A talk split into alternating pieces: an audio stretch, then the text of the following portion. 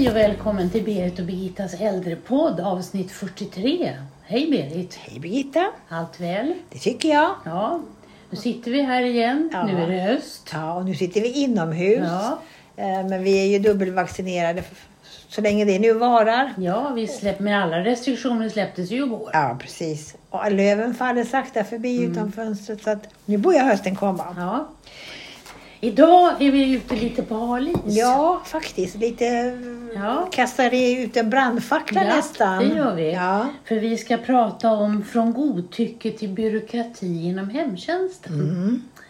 Eh, för det har ju skett en enorm utveckling av vad man kan få hjälp med i hemtjänsten. Och i vissa fall tycker jag det är en del avveckling också. Ja, absolut. Ja.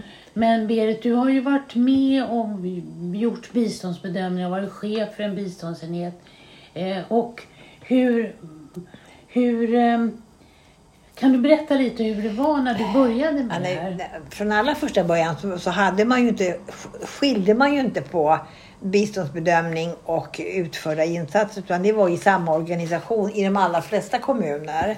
Men sen så sa man ju då att man pratade bort eh, att ja, när man hade hand om både personalen och besluten så var, var, det rätt så säkert så att man inte, man pratade bort och hade, tittade bara på hur mycket personal man hade. Du pratar bort behovet. Men... Behovet ja. Ja. Och sen så ins, eh, då började man ställa, eh, skruva på de där reglerna. Och för att man sa att det var rätt så säkert. men var det så Berit att man... Alltså jag upplevde ju inte så. Det vi som arbetade med det upplevde ju inte så. Utan vi, jag måste säga att det var mycket mera individanpassat än vad jag upplever att det är idag. Idag är det mera detaljstyrt. Eh, utan man såg utifrån dagsbehovet. Eh, och sen så skruvar man på det man la till eller man drog ifrån allt det som behoven förändrades. Och man kunde som med personalens hjälp ganska flexibelt eh, se till att det, det passade precis ganska bra hur vårdtagaren mådde och vilka behov som fanns. Hade man varit väldigt tidsstyrt eller var det Alltså man, hade, ja, man hade ju ett, ett visst antal timmar hos varje vårdtagare. Och i, i, i, i ramen av det så kunde man utföra de här sysslorna. Städning, handling, eh, personlig vård och, eller vad det nu var som den här personen behövde. Men man hade ett x antal timmar. Ja. Och sen började man ju sakta men införa riktlinjer i kommunerna som mer och mer blir detaljstyrda. Det är ju så det är idag. Ja. Att idag ska ett biståndsbeslut därför att man ska kunna överklaga på det man inte får utfört. Eh, Men, men det blir ju väldigt, alltså önskemålen passar ju oftast inte in i utbudet som bjuds.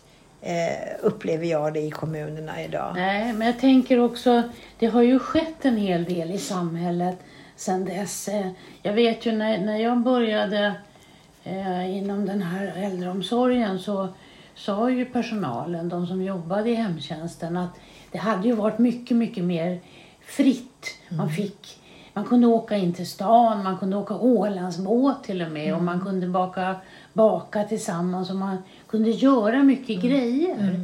Och det finns ju inte idag. Men det såg ju annorlunda ut då också för då var, fanns det ju servicehus som man flyttade in på. Ja, man var ju inte lika eh, vårdkrävande som, som då. För då, då kunde man inte bo hemma. Nej. Men nu har det ju gått allt mera att man bor ju hemma med väldigt stora vårdbehov. Och, och då innebär ju det att som vi vet så väl att allting handlar ju om ekonomi och det är klart att man inte kan åka Ålandsbåten om, om man har personer i samma häng som behöver väldigt mycket om det. Man måste ju fördela de här eh, resurserna man har. Ja, absolut. Men från därifrån och, och till att ha blivit så detaljstyrt, det, det måste ju kunna finnas en gyllene medelväg kan jag tycka. Mm. Eh, Du hade ett exempel på det här med detaljstyrning och det var en artikel som handlade om Greta. Just det, hon, hon fick inte lägga sig när hon ville. Eh, och hon hade ganska många insatser per dag. Utan, och hon hade svårt att, förmedla vad hon kände och ville. Och hur, varför vet jag inte riktigt, men hon hade svårt att, tala om sina, vad hon hur hon ville ha det. Men hon ville i alla fall gå och lägga sig senare än vad, än vad hon kunde få hjälp med. Eh, och det, det gjorde att hon blev väldigt ehm, eh, ja, det, hon blev väldigt styrd av det kändes det som. Eh, Ja. och handläggaren han tyckte bara att man skulle ha de här, det skulle bara vara, gå efter riktlinjerna. Hade man en bestämd tid som man hade förutsatt så var det den tiden som gällde. Man kunde inte rucka på det. Och det kändes väldigt, väldigt styrt och väldigt eh, stelt tyckte jag. Ja, för här, i den här artikeln så pratar man ju också om att kommunen styr sina biståndshandläggare med hjälp av riktlinjer och så är det ju. Mm, absolut. Vad man kan få hjälp med och inte och det ser ju, kan ju se olika ut i olika kommuner. Men eh, den här, det är klart att det, det är ju svårt. Alltså, hon söker, hon söker hemtjänst och hon säger att hon behöver hjälp att lägga sig på kvällen men sen någon kväll så vill hon lägga sig senare. Ja. Och då är det svårt kanske att planera in den insatsen. Men det går ju att lösa. Jag tänker på det, sådana där fall har vi ju både du och jag. Frid. Då kan, om hon nu behöver hjälp med att gå i säng, hon behöver hjälp med kanske avklädning och eh, kvällstoaletten och sådär. Det kan man ju göra den tiden som, som är tidigare och sen så kanske man kan sitta i morgonrocken och få läsa och så kanske man kan ta sig eh, till sängen då eller komma ett snabbare besök. Alltså det går ju att lösa om man är flexibel. Men, men det känns som att det här är bestämt och vi kan inte ändra på det. Klockan Nej. nio ska, ska eh, Greta vara i säng, punkt slut. Och vare sig hon vill eller inte. Och det känns ju som att den självbestämmande som man pratar så mycket om, den är ju helt, eh, hon är ju helt körd på det.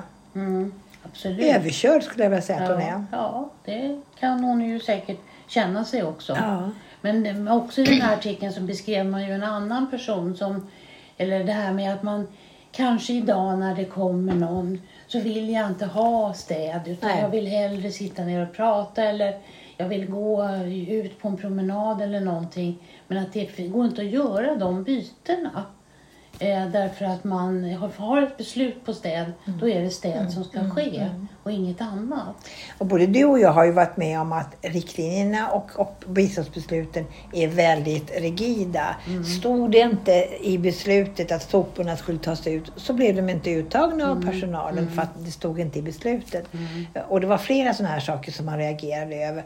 Och så styrt kan det ju inte få vara. För hur vet jag som, som gammal skör som kommer hem ifrån sjukhuset, jag kanske har klarat allting själv och plötsligt så är det en massa saker jag inte klarar. Hur ska jag veta det när jag kommer hem ifrån sjukhuset? Allt det här som jag då söker bistånd för. Det är väldigt svårt. Eh, utan jag kanske behöver några dagar på mig att känna efter hur, ehm, ja, hur, hur går det här hemma? Hur ska jag klara mig? Du hade ju ett exempel på att man hade ett hemtagningsteam i någon kommu- ja, kommun. i en kommun i södra Sverige så hade man ett hemtagningsteam. Eh, och det var då en, ett antal personer som ingick i det här teamet. Det var undersköterskor och det var också sjuksköterska och det var arbetsterapeut och sjukgymnast. Och när man skulle komma hem med stora behov, det gällde ju inte de som bara skulle ha städ Nej, och tvätt och så, utan de som skulle komma hem personlig omvårdnad och med serviceinsatser. Flera besök, ja. Så kom man hem med inget beslut, utan man kom hem och så fick man hjälp många gånger eh, per dag. Och man fick larm och det var klart med hjälpmedel när man kom hem. Och sen efter, och det gjordes inget beslut på sjukhuset som är ju väldigt vanligt. Eh, där man sitter och inte riktigt vet hur, hur är det att komma hem Nej, igen. precis. Eh, Men det, man gjorde inget sådant beslut utan efter tre dygn så kom biståndshandläggaren hem till den här personen och då tittade man igenom hur behovet såg ut och fattade beslut.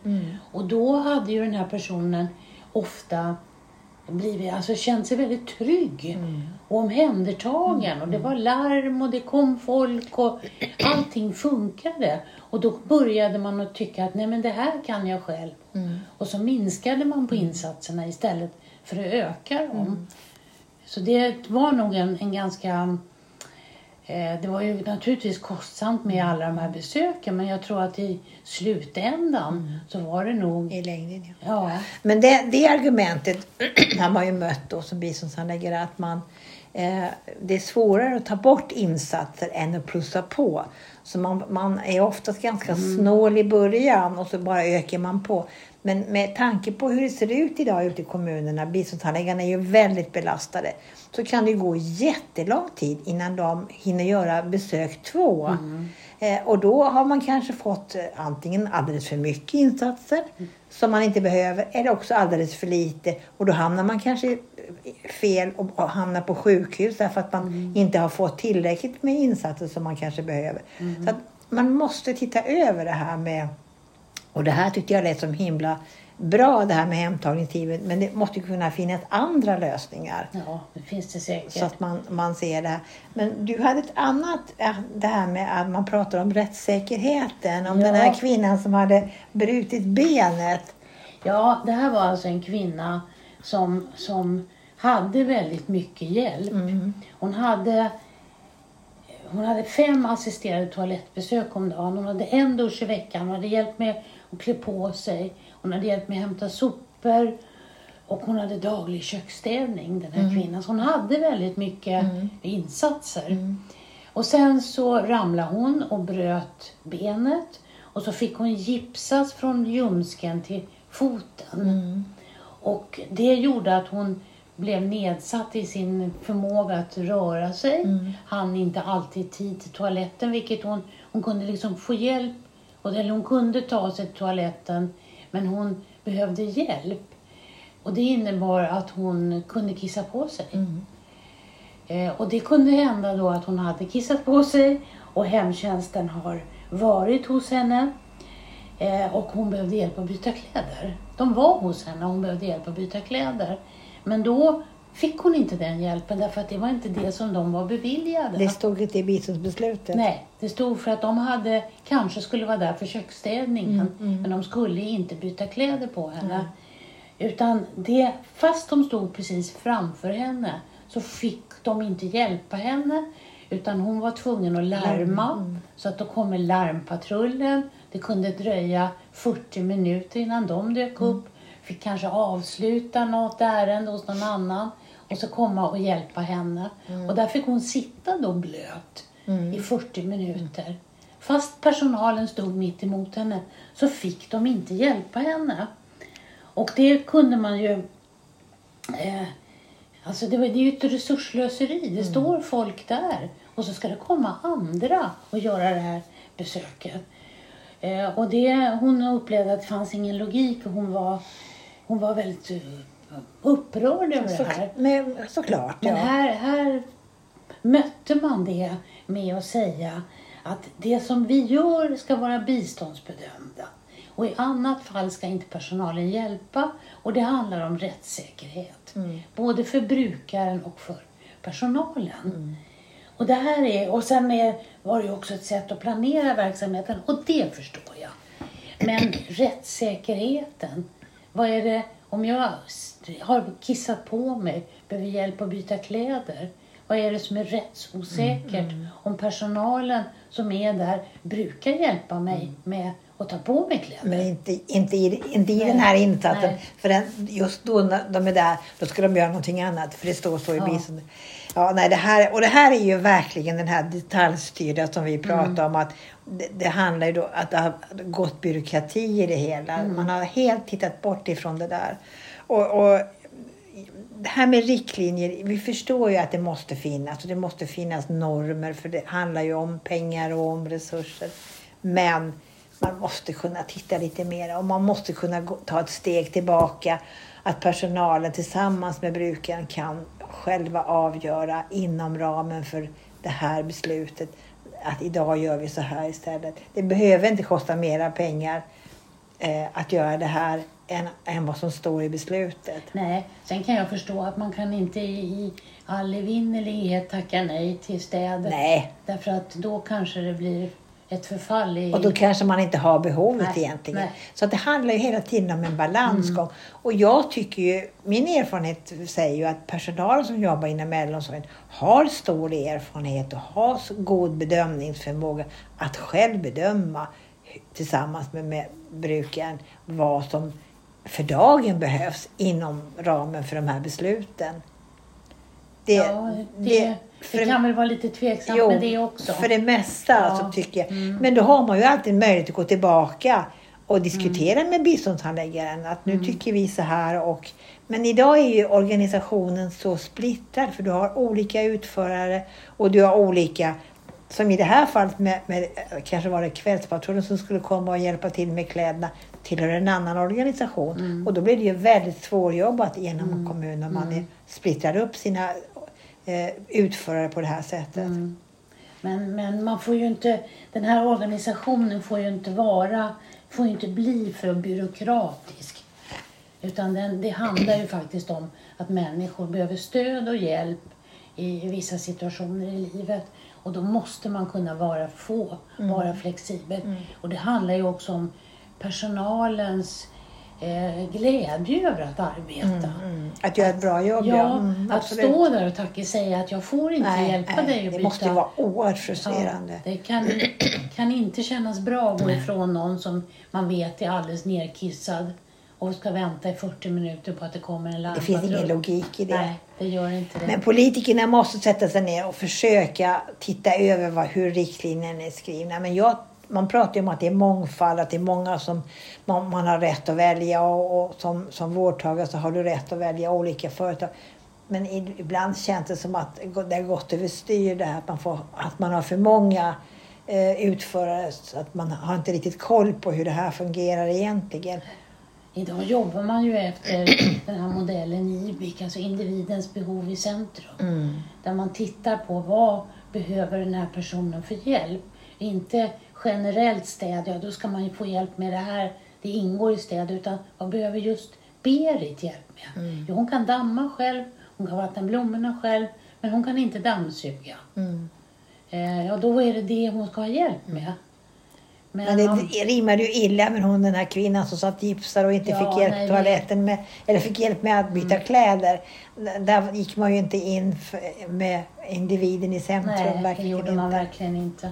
Ja. Ja, Ja, nu har vi kastat ut brandfacklan Ja. Birgitta. Nu får vi väl se om vi får några reaktioner Ja. på det. För att det här är ett, ett omtvistat samtalsämne inom hemtjänsten. Och biståndsbedömarna och utförarna, de är oftast eh, inte alltid överens om med, med vårdtagaren, vad är bäst för just mig? nej. Så vi får väl sluta där idag. Ja, tack för idag. Tack för idag.